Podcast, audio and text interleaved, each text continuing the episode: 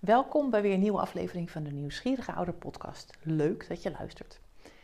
Nou, vandaag heb ik een uh, heel tof topic, een beetje schurend, want eigenlijk begin ik met de zin: ouderschap is per definitie egoïstisch. Ja, dat is natuurlijk een uh, uitspraak waar veel mensen op reageren of denken van nou hoezo, een beetje overdreven, een beetje stellig toch? En toch, ehm, als we in de kern ernaar kijken, is ouderschap egoïstisch omdat het heel erg gaat over ons verlangen. Ik denk dat uh, als je kijkt naar het verlangen uh, om een kind te, uh, op de wereld te zetten, dat het toch heel erg gaat over ons verlangen. Dat je je compleet voelt, dat het kind het plaatje compleet mag maken. Um, ja, de meeste mensen die aan een kind beginnen, hebben daar vooral toch heel erg zeg maar, hun eigen plaatje in hun hoofd. Um, en zien dat voor hun. Dus het is ook heel normaal natuurlijk en heel natuurlijk, want anders zouden er geen mensen meer uh, kinderen willen hebben. Dus het zit ook in onze aard om ons voor te planten. Maar het is altijd interessant om te kijken en om zeker eens te beginnen bij jijzelf als kind en je ouders. Jouw ouders uh, zijn ooit begonnen aan kinderen. En op het moment dat ouders kinderen krijgen, nou ja, ik denk dat je het zelf ook al weet toen je zwanger was, uh, ik heb hier nog een boekje liggen waar ik in geschreven heb. Vind ik overigens heel moeilijk om te lezen, want ik vind het ontzettend cheesy als ik mijn eigen woorden teruglees.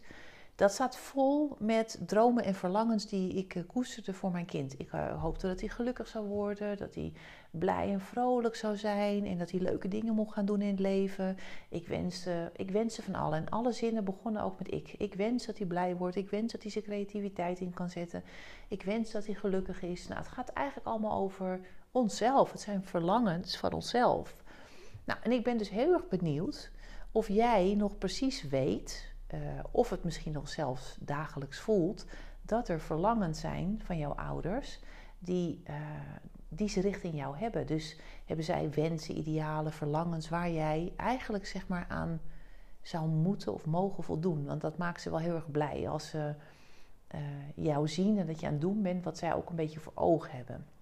Nou, dat is bij heel veel ouders zo. Ik bedoel, heel veel ouders, um, hoe vaak ik niet gesprekken gehad in de praktijk heb gehad, dat ouders zeggen ja, ik hoop toch dat hij HAVO haalt, want daar kun je toch wat meer mee. Nou, dat, is, dat gaat natuurlijk eigenlijk helemaal niet over het kind. Dat gaat heel erg over, uh, over onszelf. En dan kun je natuurlijk wel zeggen, ja, maar dat is fijn, want dan kan je kind verder komen. Nou, volgens mij is het belangrijkste in het leven dat een kind gelukkig is. En wij hebben er een idee over uh, hoe je gelukkig kunt zijn. Dus dat je met een betere baan of meer geld gelukkig bent. Als je toch een bepaald bestaan kunt opbouwen. Dus het gaat altijd over ideeën die wij zelf hebben. Nou, en hoe was het? Uh, hoe ben jij opgegroeid? Bij, hoe was het vroeger bij jou thuis? Wat voelde jij feilloos aan? Wat wilden je ouders um, jou graag zien doen? Dus welk gedrag was gewenst? Waar werden ze blij van? Um, wat vonden ze vooral niet fijn? Dus waar voelde je veel afwijzing op? En wat, heb je misschien, wat ben je misschien ook wel niet gaan doen? Ik heb bijvoorbeeld laatst ook een meisje gesproken en die zit op hockey. En ze vertelde dat ze dus heel vaak met de voetbal buiten bezig is. En dat ze eigenlijk ook best wel graag op voetbal wil. Maar dat haar ouders, zeg maar, hockey, hockey toch een fijnere sport vinden. Ook uh, dat mensen bij hockey vaak wat anders zijn. Dus eigenlijk merk je daarin dat haar ouders het lastig vinden om mee te bewegen met de wens van het kind. Want ze hebben zelf uh, altijd fanatiek gehockeyd. En het kind uh, hockeyt dan ook. En dat is toch wat ze graag zien. En zo is het eigenlijk heel vaak met heel veel dingen bij, uh, bij kinderen. Dus ik ben gewoon heel erg benieuwd. Ik weet zeker als je dit nu zit te luisteren dat je denkt: ja, inderdaad, mijn moeder wilde, mijn vader wilde heel graag dit, mijn moeder wilde heel graag dat. Gewoon van die verlangens van uh, die ouders voor je koesteren. En het zijn natuurlijk vaak vanuit. Uh, ze komen vanuit een goede plek, hè? dus vanuit liefde, want een ouder wens je natuurlijk niets anders dan goed. En die heeft daar gewoon een bepaald idee over hoe dat goed zich mag ontvouwen. Maar het kan natuurlijk zomaar zijn dat jij um, in essentie, je authentieke ik, uh, misschien wel heel anders bent dan dat jouw uh, ouders uh, wensen of verlangen. En dan kan het wel eens lastig zijn. En je hebt eigenlijk altijd ja, twee keuzes, zeg maar. Je kunt um, heel erg meebewegen met het verlangen van je ouders. Dan zijn ze blij met je.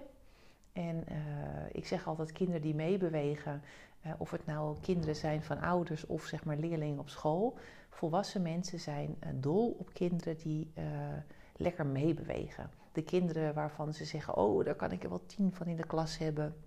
die zo goed samen kunnen werken. En dat zegt vooral iets over de volwassenen. De volwassene wordt heel erg um, bevestigd in het goed doen, want uh, het kind werkt mee, het luistert en dan zal ik het wel goed doen. Dus dat gaat eigenlijk ook weer over de grote en niet over het kleine kind, dus over de volwassenen.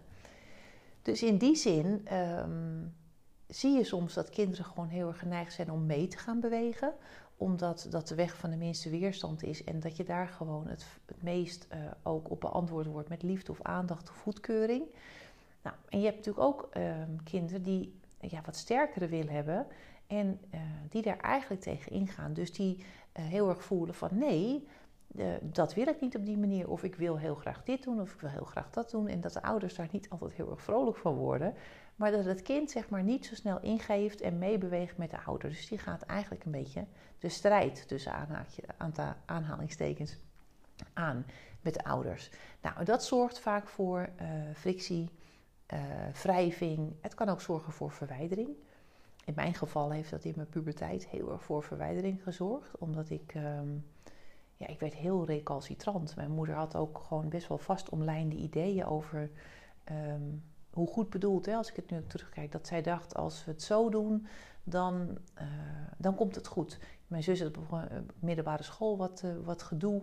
En toen op een gegeven moment had mijn moeder gewoon besloten: ze gaat naar de kapperschool. En dat had ze ja, een soort met van overleg, maar eigenlijk al besloten voor mijn zus.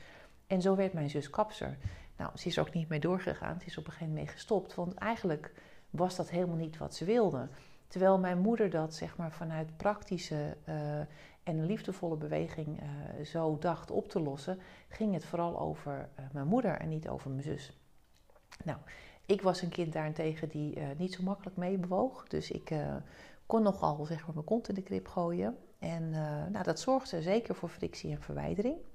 Dus ik ben nieuwsgierig, zeg maar, als je dit nu hoort, dat je denkt: hé, hey, herken ik dit überhaupt? Hè? Want kijk, als jouw ouders vrij bewust in het ouderschap hebben gestaan dan uh, hebben zij genoeg gevoeld dat jij een individu bent en dat jij een authentieke ik in je kern hebt. En dat je ouders vooral vanuit een bepaalde nieuwsgierigheid uh, gekoerst hebben om te kijken van hé, hey, wat heeft mijn kind nodig om tot volledige ontplooiing te komen? Of hoe kan het beste uit mijn kind komen, zeg maar, maar wat echt zeg maar, vanuit het kind zelf komt. En mijn ervaring, heel eerlijk gezegd, is dat het grootste gedeelte van de ouders toch op heel veel vlakken onbewust is. En dat was ik ook echt waar. Ik was ook gewoon een ouders die, ouder die ontzettend veel liefdevolle verlangens, idealen en dromen voor mijn kinderen had. Maar die gingen vooral eigenlijk over mezelf. Dus ik zeg ook altijd, ik durf hem gewoon hardop uit te spreken, omdat ik er zelf ook gewoon um, volledig mee bekend ben.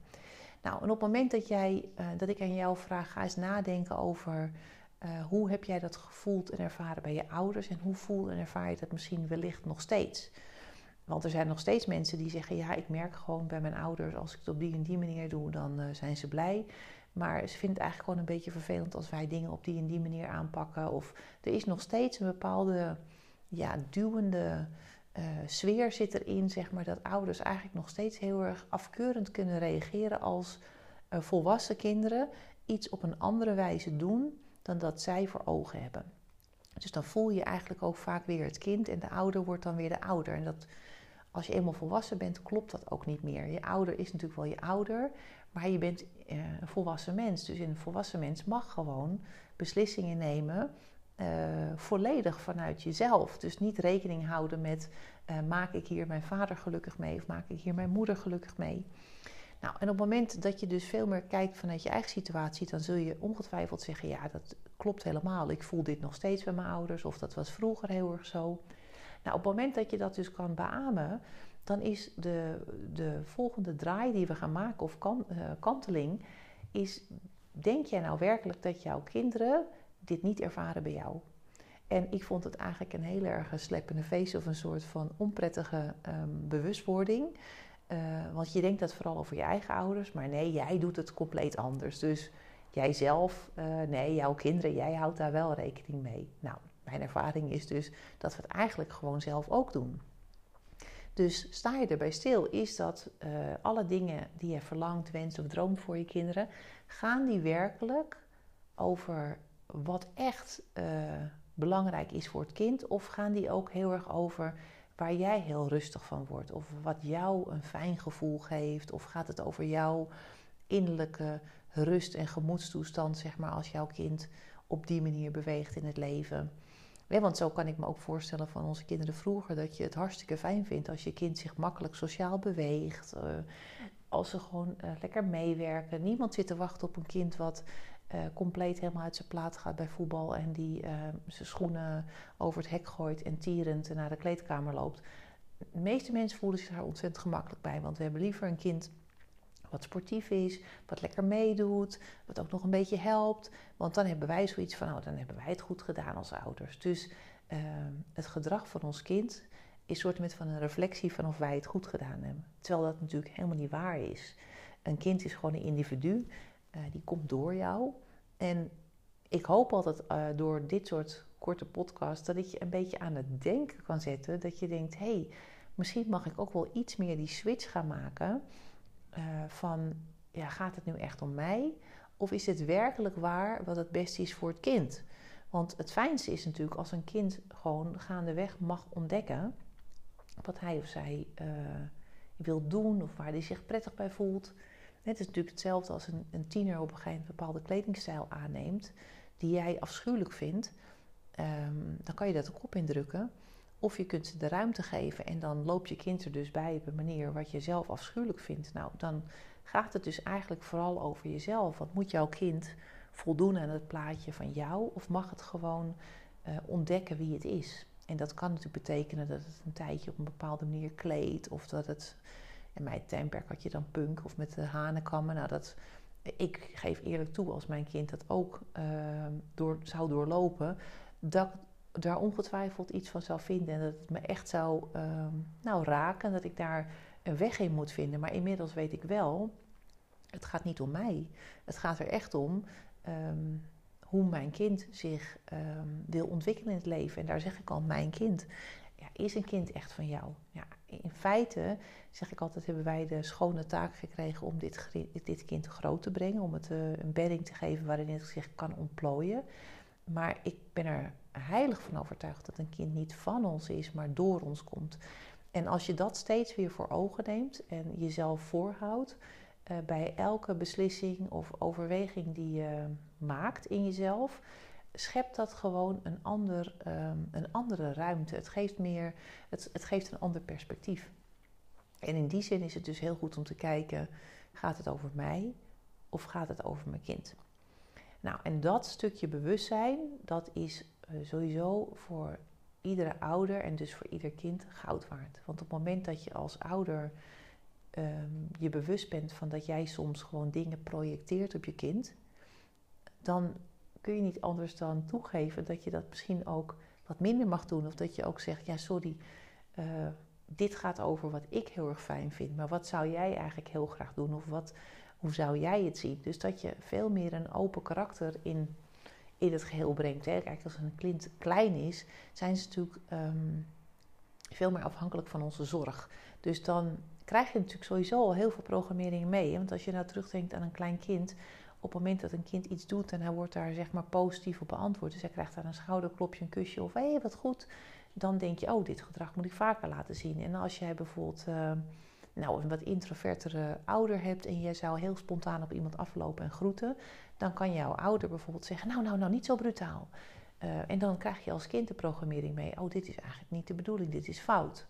Terwijl het is niet goed of fout, het is puur uh, de ouder die daar een bepaald beeld bij heeft. Dus in die zin weet je gewoon altijd dat uh, conditionering en programmering ja, onvermijdelijk is. En zeker in die eerste acht jaar um, ben je zo afhankelijk van je ouders dat je daar natuurlijk in grote delen heel veel, dat noemen we dan nurture, dus dat je heel veel dingen vanuit de opvoeding meekrijgt die jouw programmering bepalen. En ik heb. Um, eigenlijk waarom kwam ik op dit topic om dit te bespreken in de podcast? Ik kreeg um, een heel mooi relatiegeschenk voor de kerst. En um, dit boek heet de, de Middernachtbibliotheek van Matt Haig. En het was mij onbekend. Ik kreeg het van mijn businesscoach. En het was zo'n mooi boek.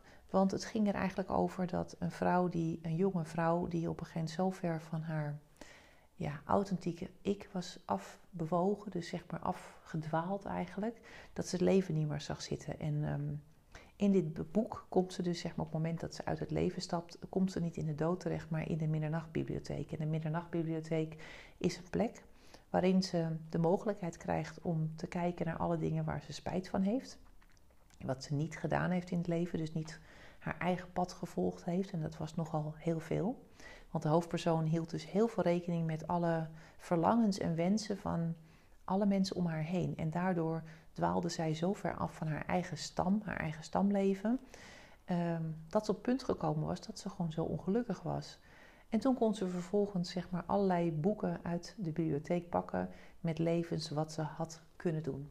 Nou, het was zo'n mooi boek. En toen dacht ik eigenlijk, ja, eigenlijk zijn we allemaal onderhevig aan een familiesysteem. En kun je ook niet van tevoren voorspellen hoe wij daarop reageren. Dus het enige kind zal eh, veel meer meebewegen en geneigd zijn om zijn authenticiteit op te offeren om bij het grotere geheel te blijven horen. Dus dat je veel meer gaat bewegen naar het verlangen van je ouders, bijvoorbeeld een bepaalde studie doen of het de familiebedrijf voortzetten of een bepaalde ja, richting op gaan.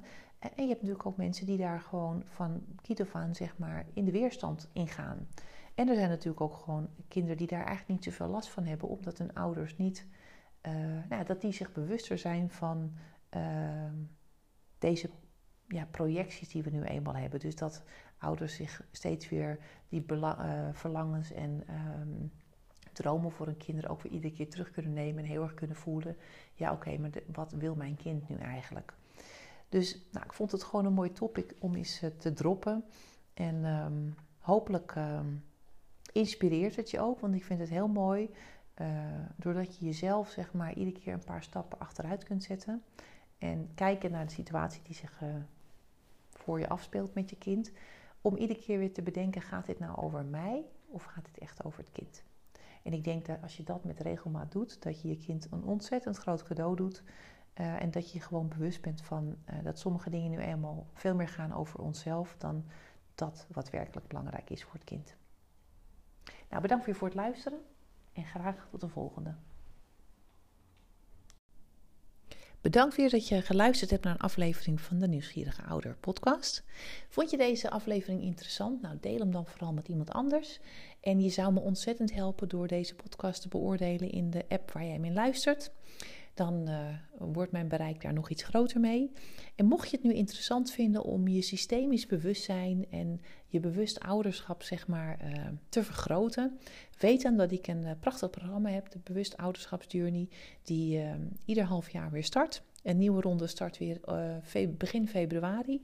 En ik zal een link daarvan in de omschrijving van de podcast zetten. Daar kun je naar kijken en je kunt je ook vrijblijvend aanmelden voor de interesselijst. En alle mensen op de interesselijst ga ik dan een aantal weken voordat de deuren open gaan, uh, ga ik die mensen uitgebreid informeren over het eh, programma, wat het inhoudt.